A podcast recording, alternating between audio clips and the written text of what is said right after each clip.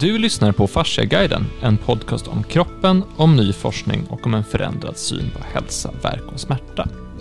Det här är ju inte ett vanligt avsnitt av Fasciaguiden utan någonting annat och här sitter jag, Axel Bolins, programledare som vanligt och med mig har jag Camilla Ranni och Hans Bodin.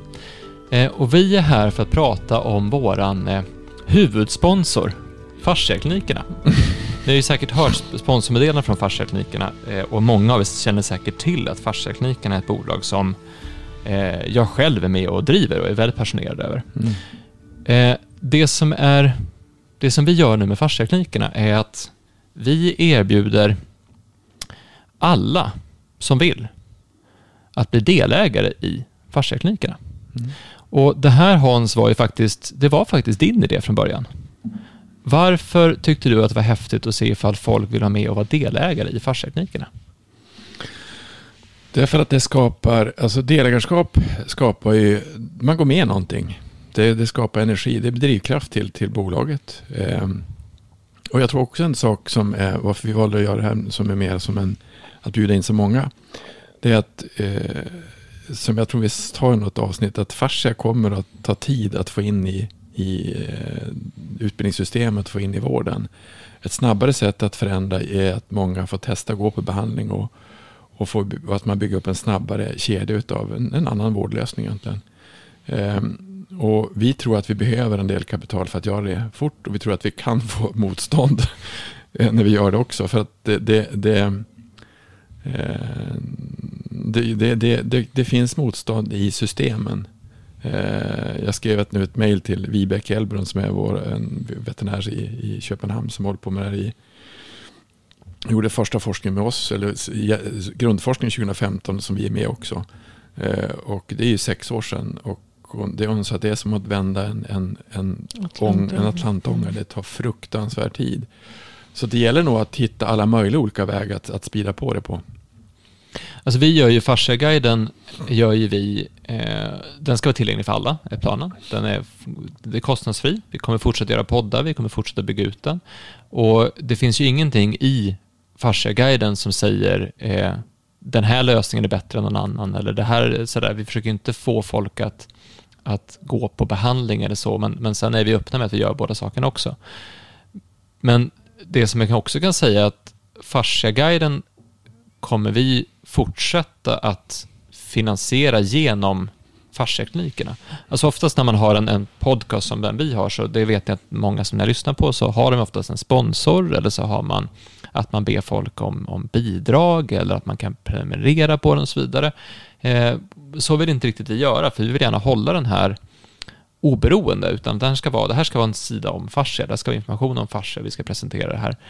Men vill ni stötta Fasciaguiden, så ett jättebra sätt att göra det på är att investera i fasciaklinikerna. För att ju bättre det går för fasciaklinikerna, desto mer resurser kommer vi kunna lägga på Fasciaguiden. Och Fasciaguiden går inte så bra. Den kostar, den kostar pengar, det finns ingen lönsamhet i Fasciaguiden. Den är mer till för att sprida eh, kunskap på ett annat sätt. Men det är ju roligt, det är därför vi gör det, för att vi, vi har ju sett hur, hur fasciaforskningen, hur informationen om fascia faktiskt kommer leda till ett helt annat mm. sätt att se på kroppen. Mm. Och det kommer ta tid och, det, och vi har ju sagt att vi vill pusha på det här. Mm. Det häftigaste sättet vi har märkt hur det här sprids är ju via folk som faktiskt går och får behandling. För att det är en sak att lyssna på det och känna att det här är skitbra.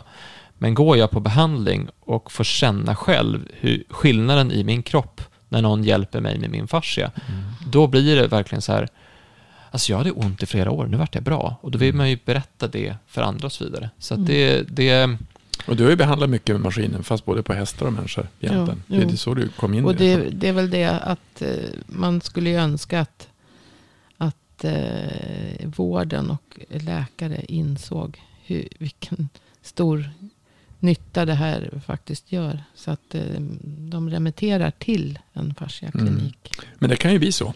Det, det, kan, det har ju blivit lite bättre på hästar än vad det var. Precis. Det är inte, inte optimalt, men det har blivit bättre. Mm. Mm. Så varför vi gör det här korta inlägget, det är för att vi eh, bara vill säga att du behöver absolut inte göra någonting. Du kan fortsätta lyssna på Farsägarens podd och läsa Farsägarens hemsida och få e-postprenumerationer och alltihopa och det kommer fortsätta vara så och så vidare. Men vill du eh, göra någonting mer, vill du hjälpa oss att sprida det på ett annat sätt, då kan du eh, bli delägare i fasciaklinikerna. Och det är inte så att du, du sponsrar det här då, att du liksom du bara lägger en, några tusenlappar eller så i eh, sådär, utan du blir faktiskt delägare, du köper aktier i bolaget, vilket gör att om farsteknikerna går så bra som vi har tänkt så kommer det också vara en chans för dig att investera i någonting som faktiskt kan bli, kan bli någonting framöver. Så det är ju en möjlighet att, att faktiskt investera också. Nu är ju, vi gör det ju inte av den anledningen, men det kommer förmodligen bli väldigt, väldigt lönsamt det här. Och Camilla, du har ju själv funderat på att investera i det här. Ja. Hur, hur går dina tankar där då? Jo då, men det ska jag göra. men varför ska du göra det? Därför att jag tycker att det är så otroligt eh, bra. Jag, alltså jag ser ju resultatet på, på folk och, och, och hästar. Men, men, eh, och vet ju själv hur det känns. Och jag tycker det är fruktansvärt att, att så många går och har problem och, och smärta och snedhet i kroppen. Och, och, så utan att få någon riktig hjälp.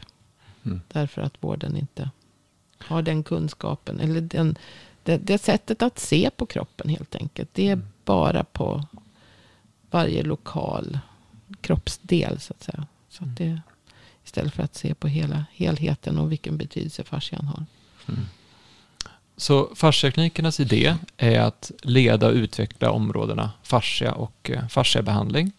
Och det det ska försöka resultera i är någon form av nationell rörelse med många kliniker, många som går på behandling och sen även ta det här internationellt och sprida det för att sprida just det här kunskapen om fascia, fasciabehandling, ett nytt sätt att se på kroppen, ett nytt mm. sätt att läka saker på. Eh, är ni intresserade av det här så kan ni fortsätta lyssna. Då kommer en intervju med eh, fasciaklinikernas VD min bror Ivar Bolin och med mig. Eh, och då får ni veta allting om ja, men, vad, vad det här innebär och sen kan man gå in och eh, läsa mer på fasciaklinikerna.se delagare. Det finns även en länk på hemsidan. Då kan man eh, anmäla sig för mer information och se vad det här är för någonting. Så tycker man att det är intressant så kan man fortsätta lyssna på det. Annars så kommer ett nytt avsnitt av Fasciaguiden dyka upp här i ert flöde alldeles strax. Varmt välkomna till Fasciaklinikerna. Jag heter Axel Bolin och idag sitter jag här med min bror Ivar Bolin. Tjena! Tjena! Eh, tillika VD för Fasciaklinikerna. Och vi tänkte så här, nu tar vi och berättar lite grann om vilka vi är så att du får en, en bild av vilka är människorna bakom det här bolaget. Och då har jag lärt mig sedan tidigare att man först och främst måste fråga varför finns fasciaklinikerna? Och då tänkte jag att då riktar vi det till dig Ivar, för det här är ju faktiskt, det var ju faktiskt din idé. Det var du som kom med den här idén. Berätta mer. Ja, fasciaklinikerna finns egentligen idag för att jag ville, eller vi ville egentligen, alltså hitta ett enkelt sätt för de som har ont, de som får problem som ryggverk, nackverk, axelproblematik och liknande. Att hitta en enkel lösning för att faktiskt bli bättre.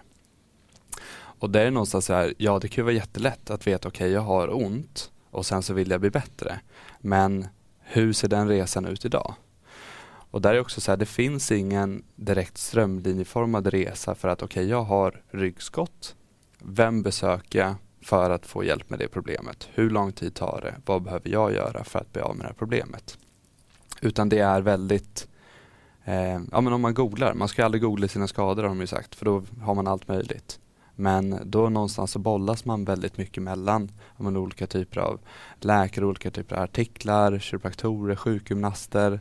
Där de någonstans säger att ja, men den här, det här funkar, det här funkar, det här funkar. Men hur vet man att det funkar just för dig? Vad är det som har lett fram till din, ditt ryggskott, ditt problem? Och hur kan man någonstans lösa det med ett då helhetsperspektiv? Hur kan du väva in hela kroppen? För det är hela kroppen som har problemet, det är inte bara den delen helt enkelt. Och det är just därför fasciaklinikerna finns, just för att hjälpa de här personerna som vi ser dagligen. Men de har kommit till oss efter att de har sökt i herrans massa månader eller till och med år. Men hur kan vi nå dem direkt när de får ont istället? Sen till saken hör ju att du har ju faktiskt jobbat väldigt, väldigt nära över 500 manuella terapeuter de senaste åren. Och vad har du sett då? Alltså hur, du har ju även utbildat ungefär 100 stycken manuella terapeuter. Så att, finns det bra kvalitet på behandlingar ute på marknaden? Finns det lösningar på problem som ryggverk och sånt? Det är det det finns. Och det är sådana, vad ska man säga, historier man får höra dagligen. Alltså, åh, nu har jag ju behandlat den här kvinnan som hade X problem och jag fick ett fantastiskt resultat. Oj, gick det ens? Och det är allt det här som vi någonstans har med och beprövad erfarenhet sett under alla de här åren som vi har jobbat med det här. Och egentligen då med den maskin som vi har tagit fram och också de utbildningar som vi tar fram. Okej, okay, hur strömlinjeformar vi det här? Hur kan vi göra det så enkelt som möjligt för att någonstans hjälpa så många som möjligt att faktiskt få hjälp med sina problem? Och där är också så här att det som har varit min största, vad ska man säga, akilleshäl i att vara säljare som jag då har varit och haft de här utbildningarna och ja, men varit med och ta fram utbildningar i just manuell terapi och hjälpt och pratat med massa terapeuter. Det är ju någonstans, okej okay, här får du en, vi säger att du är en kund, du är intresserad, du får de resultat du vill, det är ett komplement för dig i din verksamhet. Bra, här får du en maskin. Men sen då? Kommer du få alla de här kunderna som jag vet att du kan få? Kommer du sköta det här företaget på det sättet som jag vet att man kan göra? Utan där blir det ju någonstans att ibland lyckas det och ibland lyckas det inte. Och det här någonstans med fasciakliniker blir också det här ett sätt att se, okej, okay, men hur kan vi göra det här så att det blir en, ja men dels lönsam men också effektiv lösning för terapeuter. Men sen också så att du vet vad du ska göra för att någonstans sköta om ditt företag och faktiskt kunna leva och kunna ta ut en lön och kunna känna den säkerhet som många av oss vill känna i vardagslivet helt enkelt. Men någonstans är det också så här att den här idén, den är ju inte bara från ett år tillbaka. Farsaklinikerna startade egentligen ja, 2020 i juli ungefär. Men det är ju inte en idé som man bara kom på. Det är inte en idé som eh, vi har tänkt, ja men det här borde gå att göra. Utan den har funnits med, funnits med oss väldigt länge. Och det är ända sedan du och ja, men Hans startade bolaget. Ja, för vi, vi började faktiskt bedriva ett klinikkoncept redan 2011, började snickra på det redan 2010. Eh, och det kommer från att eh, vår pappa då, Hans, han, han utbildade sig till, han var ekonom, eller han är ekonom, utbildade sig till terapeut mitt i alltihopa. Jag vet inte riktigt varför han blev så, men det blev så. Eh, och så sen så sa han under sin utbildning, ja men hur, hur hjälper ni dem att marknadsföra då?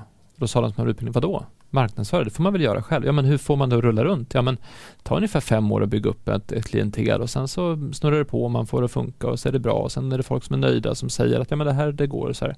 Fem år? Ska jag utbilda mig och sen vänta fem år på att få lönsamhet? Det här går inte. Och då bestämde han sig för att starta ett franchisekoncept inom manuell behandling. Och när man startar ett franchisekoncept är det viktigt att det ser bra ut så att det är en tydlig visuell identitet. Det är viktigt att det finns en bra behandlingsprocess och så är det viktigt att det finns bra marknadsföring. Och det här var då 2010 och då tänkte han att ja men jag tror nog att det här med internet kommer vara viktigt. Samtidigt så tittade han sig i spegeln och sa så här att det är, jag är lite för gammal för att bli proffs på internetmarknadsföring så jag måste ta, ta in någon. Och då kom han till mig och sa så här, jag ska bygga upp ett friskvårdskoncept. Vill du vara med och lära dig internet och lära dig internetmarknadsföring? Och jag sa ja, jag är, jag är 20 år, jag har väl inget speciellt för mig sådär. Eh, så att jag fick gå kurs i USA och lära mig marknadsföring av, av de som var bäst på det just, just där och då. Och just hur man säljer saker på internet, presenterar saker på internet, hur får man någon som besöker en hemsida att faktiskt boka en tid, hur får, följer man upp med dem så att det blir bra, hur tar man emot eh, frågor från kunder och sådana saker. Eh, och det här var ett jättebra koncept, det gick väldigt bra för oss, förutom att vi hade svårt att hitta folk som ville starta och driva kliniker. Så här, här har du en klinik, den gick från, från 0 till 100 på, på en månad. Vi var fullsatta på en gång. Här är ett bra koncept, allting finns där. Vill du starta? Nej, men ska jag verkligen starta och jobba med det här? Det var den, det vi mötte av marknaden då. Så till slut sa vi att vi, eh, vi, eh, vi lägger ner det här med franchise och så säljer vi maskinerna istället, för då har vi tagit fram maskiner. Grejen är när man tar fram maskiner att man måste sälja ganska många för att det ska bli en bra produktion för den här maskinen har varit tillverkad i eh, den är tillverkad i Sverige och utvecklad i Sverige. Så att då vände vi om internetmarknadsföringen till att börja handla om hur man når då professionella terapeuter. Eh, samtidigt utbildade jag mig till ekonom på Uppsala universitet och eh, det gick väl helt okej, okay. alltså bra resultat, lite svårare med försäljningen tills då du kom in 2015 och började sälja de här maskinerna. Eh, det häftiga då var att i samma veva började vi ta in ta in de här terapeuterna och titta på hur behandlar ni egentligen? Och så behöver regelbundna träffar där man delade kunskap, delade erfarenhet och utvecklade metoderna. Och sen så en annan sak som vi alltid råkar ut för det är ju den här med, jaha men det funkar, ja här har du massa exempel, 5000 bilder före och efter behandling på att det funkar. Men, men vad är forskningen, säger de då? Ja men du har 5000 case på att det funkar. Behöver du något mer? Det funkar. Det här är folk som kommer med, med migrän som är bra. Här är de som kommer med whiplash som är bra. Här är de som kommer med ryggvärk som är bra. Före och efterbilder, kommentarer från kunderna. Ja men var är forskningen? Eh, och det var då vi började titta på forskningen just. Så att Hans gick med i Fascia Research Society, började träffa forskare från Tyskland, forskare från USA, forskare från Eh, Danmark och så började vi sammanställa forskningsstudier och så tog vi in en, en kvinna som började arbeta halvtid med oss 2019 och började samla eh, forskningsrapporter, läsa på forskningsrapporter, bygga vår egen forskningsdatabas.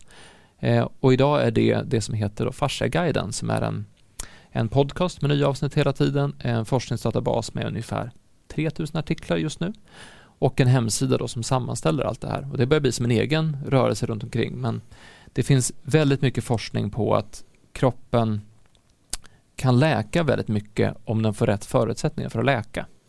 Och det är någonstans det som den här behandlingen har börjat gå tillbaka till. Eh, och du har ju själv behandlat ganska mycket och tagit emot alla möjliga typer av problem. Eh, vad, ja, vad, vad är det vanligaste man kommer med egentligen? Och hur fixar man det?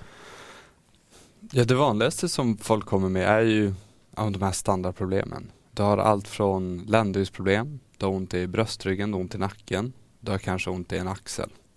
Det är väl de ja, fyra, fem sakerna skulle jag säga som är det vanligaste. Och allt, det är också så roligt med alla de här utbildningarna som vi har haft och med alla de här användarträffarna som du då ja, men, nämnde lite tidigare, just där alla får träffa varandra och liksom utbyta erfarenheter. Det är att vi gör det går att göra i princip nästan samma behandling på alla de här typerna av problemen. För allting handlar om att just se till helheten, behandla helheten, behandla hela din kropp. Och sen också just att få igång allting för att ge den förutsättningar för att kunna ta hand om sig själv. Eh, och det är ju en större historia. Okej, okay, men vad händer då rent okay, mikro, i mikrocirkulationen? Vad händer då runt mikromolekylärt i kroppen när man sätter igång sådana typer av processer?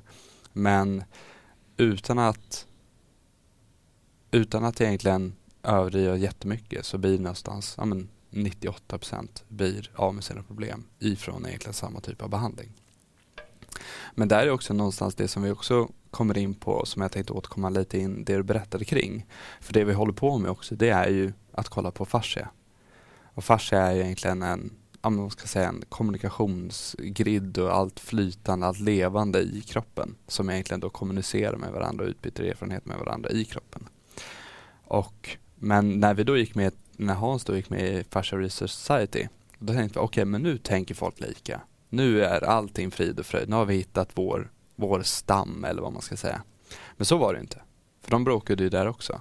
De bråkade om vilken metodik som var bäst för olika typer av problematik.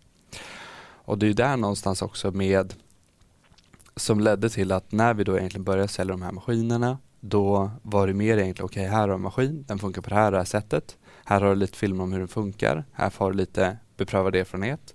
Men eh, så här sätter du på den, så här byter du program. Varsågod, lycka till. Och någonstans har ju det lett till att folk har börjat testa. Man är också, alltså om du är en massageterapeut och jag är en massageterapeut och vi har gått samma klass så kommer vi lära oss två helt olika saker. Vi kommer gå ut och jobba med två helt olika saker. Så hur vet man vilken massageterapeut som passar just för mig? Och när vi då egentligen 2017, 18 när vi började bli lite mer personer som jobbade med då maskinen där vi började se, okej okay, men nu måste vi kanske kolla på någon form av vidareutbildning eller fortbildning utöver de här användarträffarna som vi hade. Då började också de här frågorna komma från att, okej okay, men var kan jag utbilda mig? För att lära mig allting som ni kan så jag kan utbilda mig för att faktiskt använda er maskin. Och då började vi kolla på det. Men problemet var ju bara att alla de utbildningar som fanns nämnde ju inte fascia. Och då valde vi att ta fram vår egen utbildning. Och det var egentligen i samband också med det och resultatet egentligen från den utbildningen och resultatet som de alltså fick med sig efter. Då kunde vi samla alla olika typer av yrkesgrupper inom manuell terapi och någonstans säga att här har vi en typ av behandling. Det här kan ni göra för att underlätta ja, men, problem för 98 procent. Det ni har lärt er innan det kommer ni kunna ha med er som liksom verktyg och verkligen kunna utveckla. Men det här är behandling, det här är standardbehandlingen som vi kan utgå ifrån. Och det var ju sen, ja idag är vi ungefär 100 stycken utbildade sådana terapeuter som har gått den här utbildningen som vi har tagit fram då. Och de får ju otroliga resultat. Ja, alltså det intressanta med det här är att jag har ju själv bedrivit en forskningsstudie då, eh, för att undersöka just om vi har ett, ett symptom som heter frozen shoulder. Frozen shoulder är att du istället för att lyfta axeln så här så kan du, du kan inte lyfta hela vägen upp utan du fastnar bit på vägen. Mm. Det, är en, det är en dålig rörlighet i axeln. Ganska många som drabbas av det, 2-5% av befolkningen. Drabbar vem som helst. Du kan vara, du kan vara marknadschef på ett stort bolag, du kan vara städare, du kan vara allt möjligt och du kan drabbas av frozen shoulder. Så att det kan vara ganska jobbig sjukskrivningsperiod, det kan vara ganska kostsamt.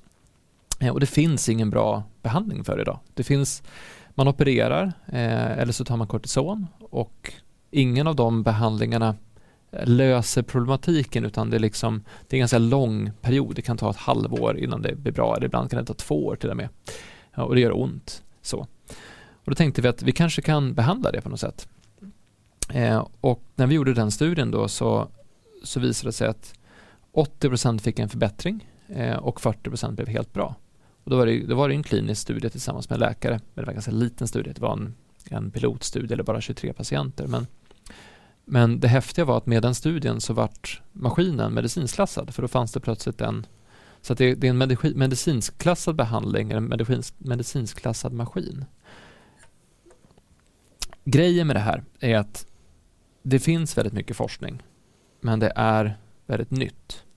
Och det är där som utmaningen ligger lite grann. Men vi kommer ju inte från forskningshållet, utan vi kommer från att vi har en behandling, behandlingen fungerar, kunderna blir nöjda, kunderna blir friska och de berättar för andra kunder att det här är bra, vilket gör att fler och fler börjar testa behandlingen så att det börjar växa på ett annat sätt.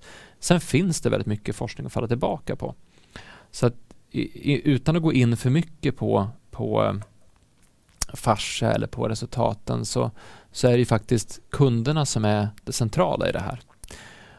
Och det var det här som jag var lite, inte orolig för, men lite, det här, jag känner att det här är viktigt när du kom då våren 2020 och sa att nu ska vi, kan vi starta något koncept kring att nå slutkonsumenter, att nå marknaden, att nå ut till, till folket och presentera behandlingen.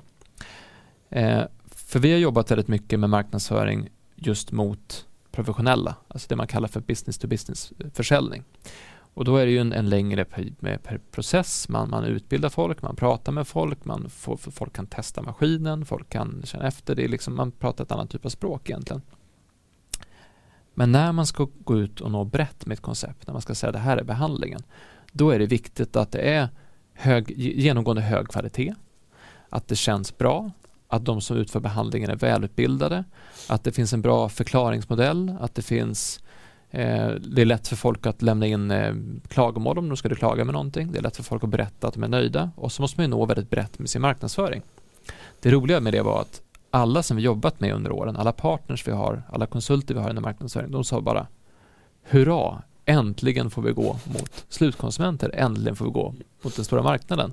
För det är nästan lättare att bedriva digital marknadsföring mot en större marknad än att försöka hitta de här nischade Eh, personerna. Så, ja.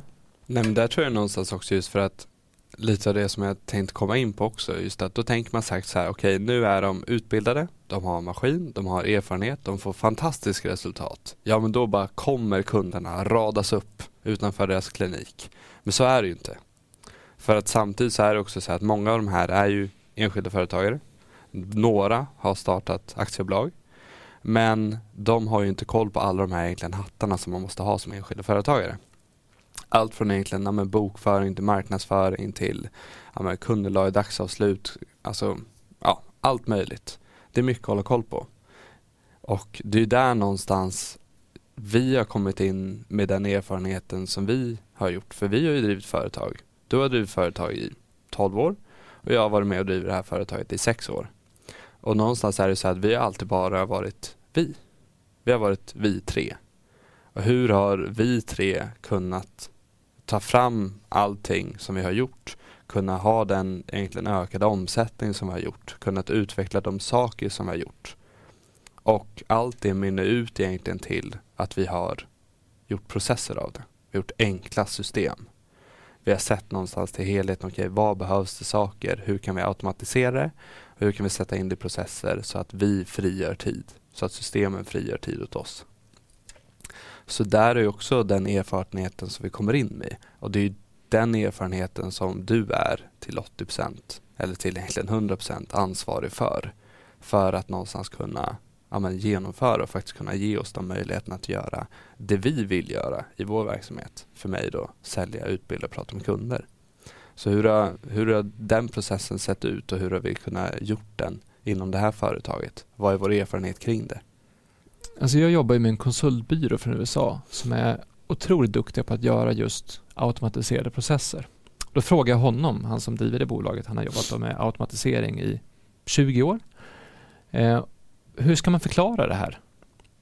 Då sa han så här, ja, det är lite komplicerat att förklara system och processer och teknik för gemene man. För oftast behöver man vara lite insatt för att, för att förstå alla parametrar och så vidare. Men, men egentligen kan man säga så här att det häftiga med system, och det här lärde jag mig redan 2010, det är att bygger du ett smart system så är skalbarhet inget problem. Så det gäller att titta på vilka, vilka saker går inte att skala upp? Alltså var, var, är, var är den trånga sektorn? Och I vår verksamhet var den trånga sektorn du. Därför att du kan inte prata med alla om du ska sälja mycket och vi inte har fler säljare. Och vi hade inte råd att ta in säljare först och sen har vi haft svårt att ta in, ta in bra personer också för det är svårt att rekrytera. Så att personal är ett problem som när man växer så är det ett problem att hitta rätt folk att, att ta med. Och där kommer också systemen in i bilden. Att har man ett smart system på plats då behöver man inte ta in lika mycket personer och du kan skala upp det på ett annat sätt. Så hur kan ett system se ut? Enkelt sett. Ja, det är eh, vi säger att du då är någon som skulle kunna jobba med en maskin som vi har sålt. Då. Ja, då ska vi först hitta vem du är. Och då vet vi, om har du en terapeutisk utbildning, då är du en person som skulle kunna jobba med vår maskin. Och sen är det viktigt att vi inte trycker på dig och ringer till dig kallt, utan du ska bli intresserad själv. Ja, då måste vi skicka ut vissa småsaker som gör att vi fångar din uppmärksamhet. Det kan vara en, en film, det kan vara en bild, det kan vara en intervju, det kan vara en artikel. Eller så är det en kombination av allting under en lång period. Så att du, du ser det här i ditt flöde. Eh, det är därför digital marknadsföring är så häftigt, för man kan faktiskt bygga upp målgrupper som ser det här lite då och då. Och när du känner att ja, men det här är faktiskt intressant, nu har jag tittat ganska mycket på det här. Då får du en möjlighet att beställa någonting. Du kan beställa ett, ett, eh, lite information, ett infopaket som vi kallar det. Och då kommer du in i, i systemet, då tar vi dina kontaktuppgifter, vi skickar det här till dig och så sen så skickar vi lite mer information om, om varför det här är trevligt och bra och så vidare. Och då när du känner, att jag är redo för att ta nästa steg nu, då läser du på mer och så bokar du ett möte med dig. Och det är först där som den här mänskliga begränsade faktorn, som inte, där tiden är en begränsning, det är där du kommer in. Så hela resan från att man först ser det här och blir intresserad till det, till att man känner sig redo för att prata med dig. Och när man då pratar med dig, då vet man redan priset, man vet funktionen, man vet hur det funkar, alltså vilka som använder den, man vet eh, hur den här skulle kunna passa i min verksamhet, man vet olika finansieringslösningar, man kanske sett lite instruktionsfilmer, man har, man har fått en massa saker inför mötet med dig. Så att när du väl pratar med någon, då är det någon som faktiskt redan är intresserad. Och sen när du väl har gjort eh, försäljningen då, när man har bestämt sig för att köpa, ja då därefter kommer hela välkommen hit, här är fortbildning du kan gå igenom, det här är vad du ska göra när du har köpt den. Och den processen kan också automatiseras. Så det enda som är då, det är den här lilla rutan som är säljaren, som är du. Det är det som inte går att skala upp utan att anställa folk. Det andra går att skala upp hur mycket som helst. Och på det sättet kan man bygga en väldigt stor verksamhet utifrån väldigt små medel. Och det är det här som vi har fört in nu i fasciaklinikerna. Det är det här som vi tittar på nu med, inte bara med marknadsföringen och försäljningen med bokningen utan även med betalning, med eh, bokföring, med kvittoshantering, med journaler, med rapporter, med eh, uppföljning, med, med allting egentligen. Rekrytering är samma sak. Allt du kan bygga en process kring kan du automatisera. Jag vet inte om det var ett tillräckligt kortfattat svar men det är svårt också att prata om om de här detaljerna utan att bli för detaljerad. Mm. Men, men poängen är att med automatiserade system så kan du skala upp mycket, mycket snabbare. Du kan hantera, för systemet gör ingen skillnad på om det är 500 intressenter eller om det är 2000 intressenter. För de bearbetas med samma automatiserade processer. Tricket är också att göra det personligt så att det känns som att det kommer från dig. Mm. För det kommer ju från dig. Det är bara det att istället för att du skriver 2000 mejl så har vi skrivit 2000 mejl med omtanke, med eh, det här hjärtat bakom det. Men att de skickas ut på rätt tillfälle till, till folk. Så, Men då är här någonstans, det var ju så här också det när då egentligen jag våren 2020 då jag egentligen började prata om det här konceptet som det är fasciaklinikerna. Det var egentligen ett enkelt sätt för att ja, bedriva marknadsföring. En marknadsföringsplattform för då våra terapeuter för att de skulle kunna få mer kunder och genom då processer.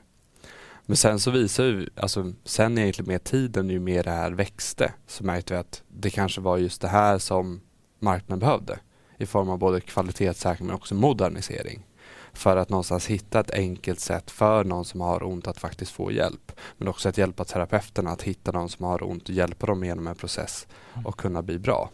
Och egentligen ta hand om allt från ja, deras bokföring till marknadsföring till ja, kundhantering egentligen.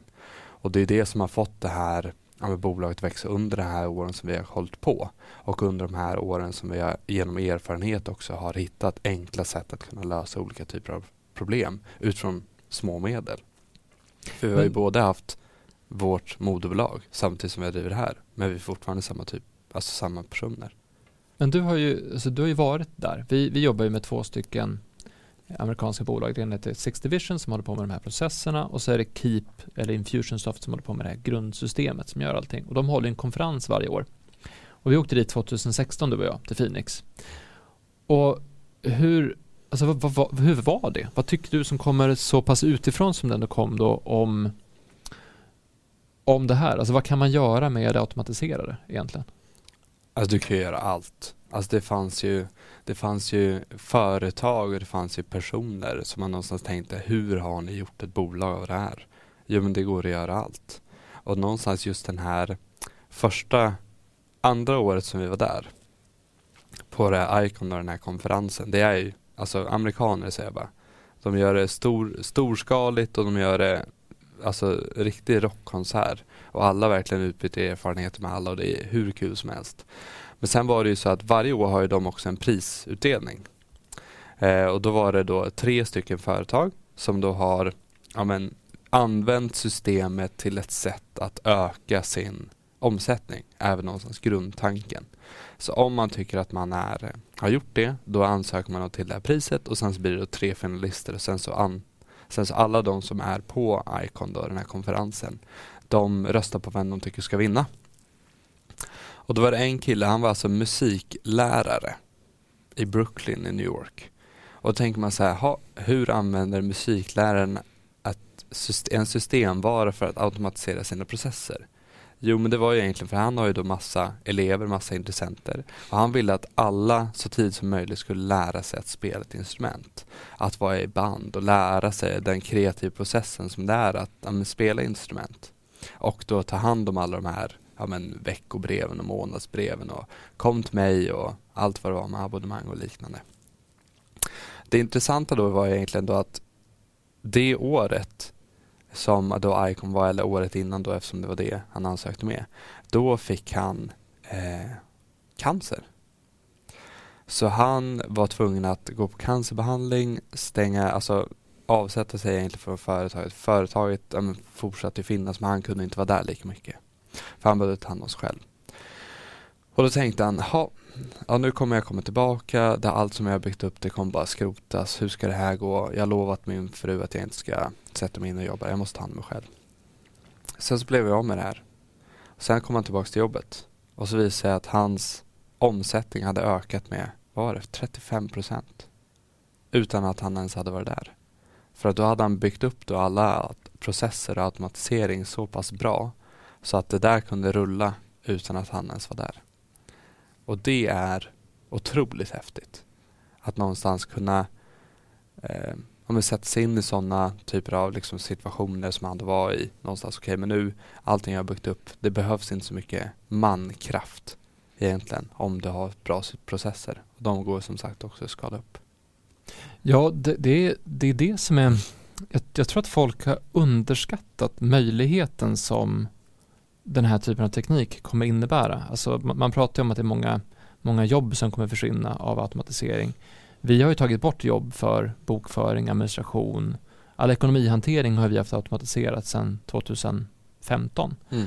Och det är ju, det är ju en extrem fördel för oss när vi ska växa att se vilka jobb behöver göras av människor, vilka jobb kan göras med lite handpåläggning av människor och viss, vilka jobb kan göras helt och hållet av, av eh, maskiner Mm. eller av, av system. Och då frågade jag den här killen då i USA, det är ganska bra att ha coaching med honom då, vi har varje vecka. Ehm, och då frågade jag, men du, vi ska ha, vi ska ha 250 kliniker i Sverige och ska ha 1500 kliniker i Europa. Hur många personer tror du att vi kommer behöva anställa för att kunna driva det? Förutsatt att vi gör allting så som jag pratat om här med processen och så vidare.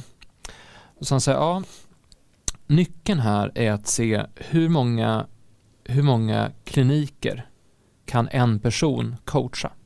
Det är den trånga sektorn. För marknadsföringsteamet, ja, det kan vara ungefär de ni är nu, kanske någon till. Därför att då gör ni processer som ni sen kan använda över hela Europa. Ni kanske har någon som hjälper till med översättningar, någon som kanske anpassar det lokalt. Men, men ni kan nog ha ett marknadsteam på kanske ja, fem, tio personer om ni ska omsätta en miljard. Mm. Men sen är tricket, hur många, hur många personer behöver coacha klinikerna? Ja, då måste ni hitta den siffran. Är det ungefär 50 eller är det ungefär 100? Och så sen så när, vi säger att det är 50 då. Då om du ska ha 150 kliniker, ja då ska du ha tre stycken personer som coachar de klinikerna. Och så kanske du ska ha en till bara för ifall någon blir sjuk eller någon behöver gå bort eller på mammaledighet eller vad det nu kan vara. Så att vi har fyra stycken på 150 personer. Och då är det bara att räkna därifrån. Så, så 40 personer, det, det är ungefär det ni behöver ha då lokalt utsatt i de här länderna för att omsätta en miljard och ha de här 1500 klinikerna. Och det är ett annat sätt att titta på rekrytering, det är ett annat sätt att titta på hur man bygger upp verksamheter. Mm. Varför behöver vi, vi behöver inte bygga enorma team och, och 200 anställda utan vi kan vara få.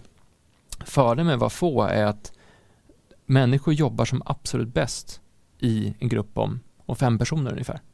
Det finns jättemycket forskning som, som tyder på det. Var, när jag läste management på, i Uppsala så, så var det just det jag fascinerades av att okej, okay, så här säger forskningen att vi ska jobba idag.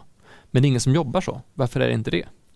Men jag har fått höra att det finns bolag som jobbar så och de heter Amazon och de heter Google.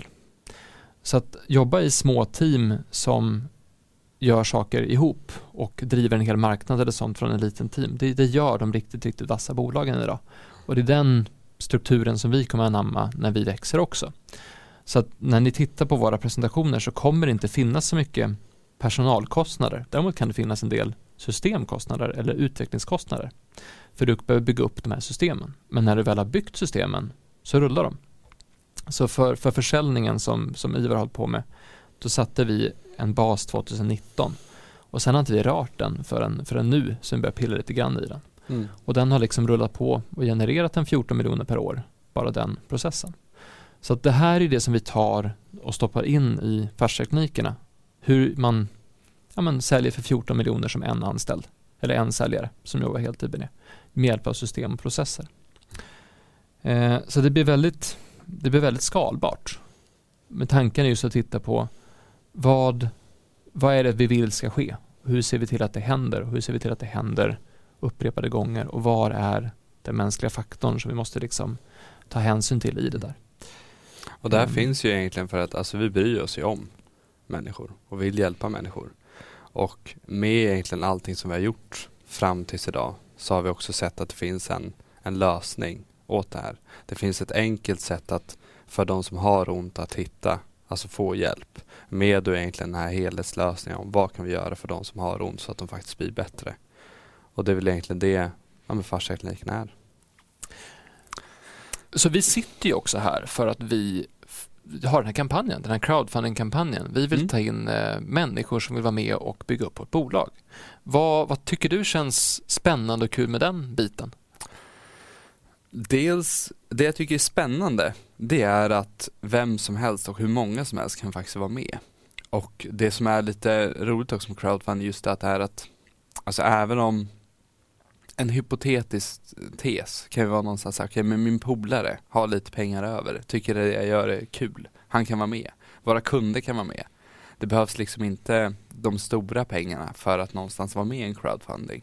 Det som är kul med det också, det är just att det är många som kan vara med på den här resan som vi gör. Och det är också någonting som vi har märkt mycket från Alltså den resan som vi har gjort fram till idag också och de som var med från början där, hur allting har växt och hur de har växt med det. Och sen just att det blir ju också så att om man investerar i någonting, om man lägger tid i någonting, då vill man ju också ja, men prata om det. Så det blir också ett sätt för många runt omkring att faktiskt bli ambassadörer för ja, men projektet och den här resan som vi kommer göra.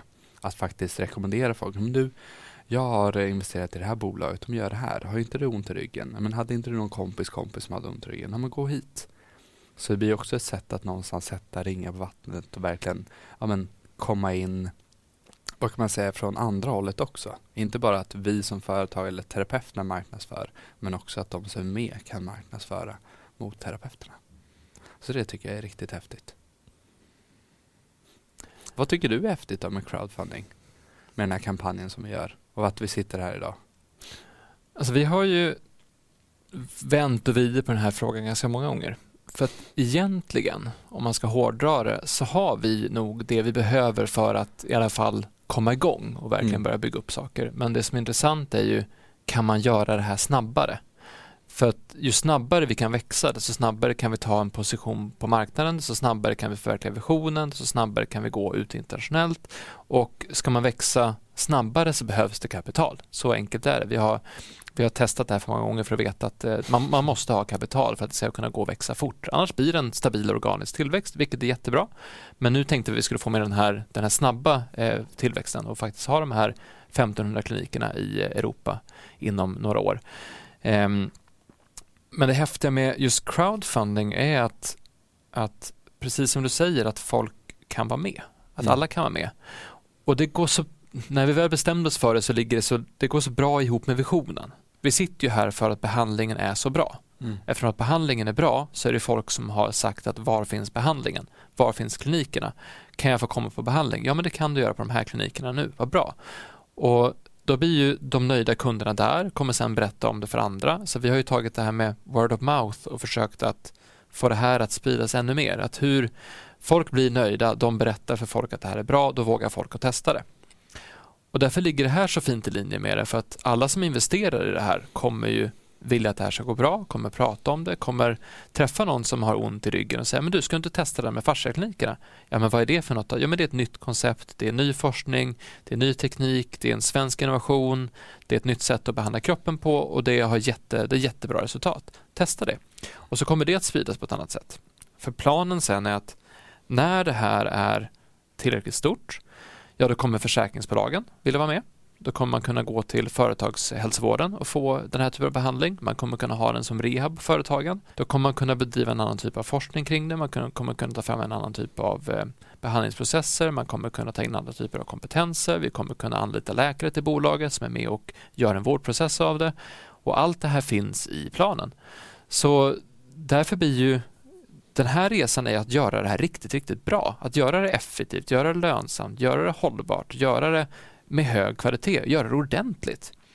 Men inte gå in och anpassa oss efter hur det ser ut idag, utan bygga upp någonting nytt. Mm. vi kommer med någonting som är, är bra för att vi har fått tänka fritt och ta det absolut senaste och inte försöka anpassa det efter en befintlig struktur och mall. Och vill du vara med på den resan, att faktiskt bygga upp ett nytt, en ny vårdlösning, då kan det här vara något kul att, att gå med i. För det, det, kommer, det kommer hända mycket grejer.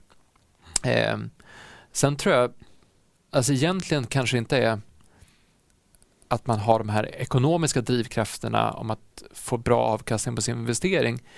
Det kommer man få. Men det, det är nog inte det som är huvudsaken i det här som vi, som vi, sö, vi söker det som vill vara med och bygga upp en, en häftig grej. Ehm, men det är klart att det kommer bli väldigt, väldigt lönsamt också. Alltså det vet ju vi också att alltså om vi omsätter en miljard och vi har väldigt bra vinstmarginal på det också så kommer det bli ett väldigt lönsamt bolag det, det blir liksom det blir så. Alltså det är klart att det här blir, och kommer vi in i vården och har en annan prisbild och en annan typ av grejer runt omkring så det är klart det kommer bli lönsamt. Det, det blir det. Ehm, men, men det är inte, vi gör det för att vi bryr oss om människor och för att vi bryr oss om människors hälsa.